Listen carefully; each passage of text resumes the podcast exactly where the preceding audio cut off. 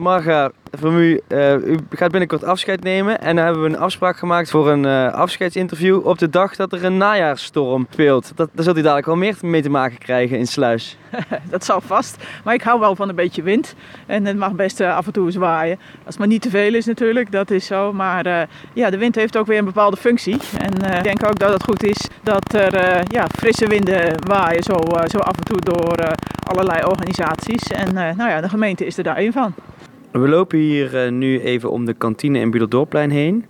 Uh, waarom is dit een belangrijke plek geweest voor u? Ja, de kantine in Budeldorpplein is een rijksmonument. En ik vind sowieso Dorpplein, uh, ja, dat is de meest verborgen plek van, van Noord-Brabant naar mijn idee. Toen ik hier burgemeester was in 2012, was de start van de Open Monumentendag hier in, in.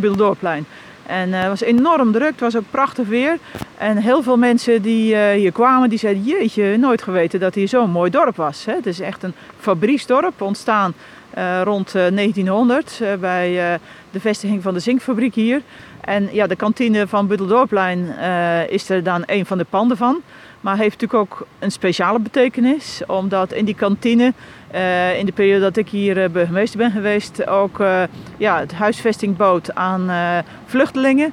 En ja, dat is een hele goede harmonie met de omgeving is dat tot stand gekomen. En ja, ik denk dat heel veel mensen daar trots op kunnen zijn dat de bevolking er op die manier mee is omgegaan. Ja. Bent u ook trots op de Kranendonkers als het daarover gaat? Ja, zeker weten. Ja want de kantine in Buddeldorpplein bouwt onderdak aan vluchtelingen.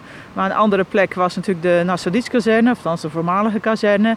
En eh, ja, je hebt in zo'n debat natuurlijk altijd voor- en tegenstanders, die zijn er altijd. Uh, maar uh, als je dat vergelijkt met heel veel andere plaatsen in ons land, hoe het daar is verlopen, dan kunnen we trots zijn. Uh, dan kunnen de inwoners vooral trots zijn op hunzelf en de manier waarop zij ermee zijn omgegaan. Ja. ja. En waar ligt dat nou aan? Want ik weet dat eh, collega-journalisten vaak vanuit eh, het hele land naar Budel kwamen om te kijken waarom gaat het hier nou wel goed en waarom is er hier nou wel draagvlak voor die opvang van vluchtelingen. Waar komt dat volgens u door? Ja, ik denk samenloop van omstandigheden. Uh, sowieso waar we nu staan bij de kantine is natuurlijk eerder al een plek geweest. Dat de locatie natuurlijk uh, ja, midden in het groen ligt. Een hele ruime locatie tussen twee dorpen in. Niet vlakbij een, een kern. En ik denk dat voor de politiek, vooral de gemeenteraad, ook heeft gegolden van goh, we hebben ervaring, dat is goed gelopen. en die ervaring neem je mee. En bij heel veel andere dorpen of steden waar opvang plaatsvond, was men, had men die ervaring nog niet. En ja, zijn er allerlei beelden en allerlei emoties die een rol spelen. Ik denk dat dat wel een rol heeft gespeeld. Mm, ja. Mm.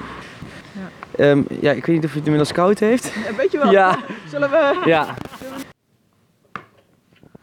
Ja, want nu zijn we in het gemeentehuis eh, op het eh, Kapucijnerplein in Budel.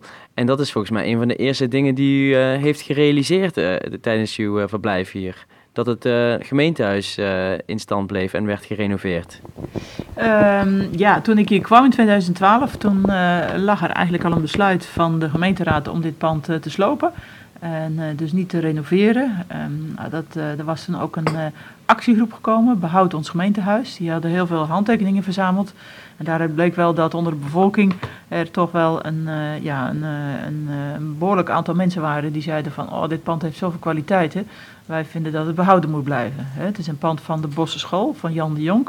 toen ik hier kwam kreeg ik inderdaad dat dossier in portefeuille. Uh, is gekeken van, goh, wat zijn dan de argumenten precies geweest? En toen zijn we vrij snel, een aantal maanden na mijn komst, zijn we teruggegaan naar de gemeenteraad. Van, goh, raad, we verzoeken u besluit te heroverwegen, een nieuw besluit te nemen. En uh, ja, het pand inderdaad te renoveren en niet te slopen en nieuw te bouwen. Toen heeft de raad ook unaniem daarmee ingestemd. Heel bijzonder vond ik dat wel, want ja, mensen waren dus echt het hele proces hebben we natuurlijk ook de raadsleden wel meegenomen in uh, van nou, wat zijn dan de argumenten en hoe kun je daar naar kijken. En iedereen uh, ja, was daar hartstikke blij en, uh, en tevreden mee. natuurlijk ook de mensen van, van de werkgroepen die, die dat aan, aangezwengeld hadden. Die waren ook aanwezig, weet ik nog, bij die raad. dan, toen zaten we nog in de smeltkroes met onze raadsvergaderingen. Er was zelfs een applaus volgens mij en iedereen was van nou yes, hè, dat, dat is mooi. Fijn pand om in te werken. Zijn er ook dingen waarvan u achteraf zegt, die zou ik nu anders doen? Uh, nou, ja, eens even kijken.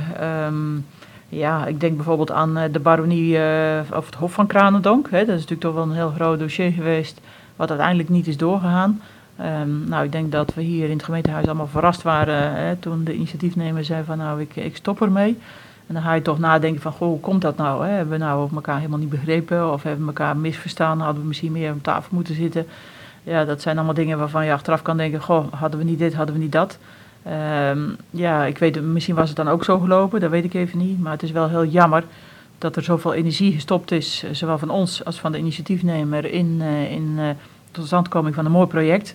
En dat het uiteindelijk niet doorgaat. Hè? Dat is wel heel erg jammer. En ja, de leerles is denk ik vooral van, goh, hou elkaar vast en vertel dan ook dingen tegen elkaar als dingen niet goed lopen of zo. Hè? Want als dingen niet uitgesproken worden, ja, dan kun je mensen ook moeilijk helpen om dingen anders te doen. Dus ik probeer wel altijd nu door te vragen van als er iets uh, waarvan ik denk dat loopt niet lekker, uh, wat is de reden waarom het niet lekker loopt? Of, of praat daarover in ieder geval.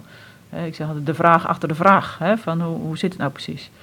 Je kunt dat natuurlijk nooit helemaal voorkomen, maar het is wel een leerles van, nou, probeer dat in ieder geval naar elkaar toe uit te spreken.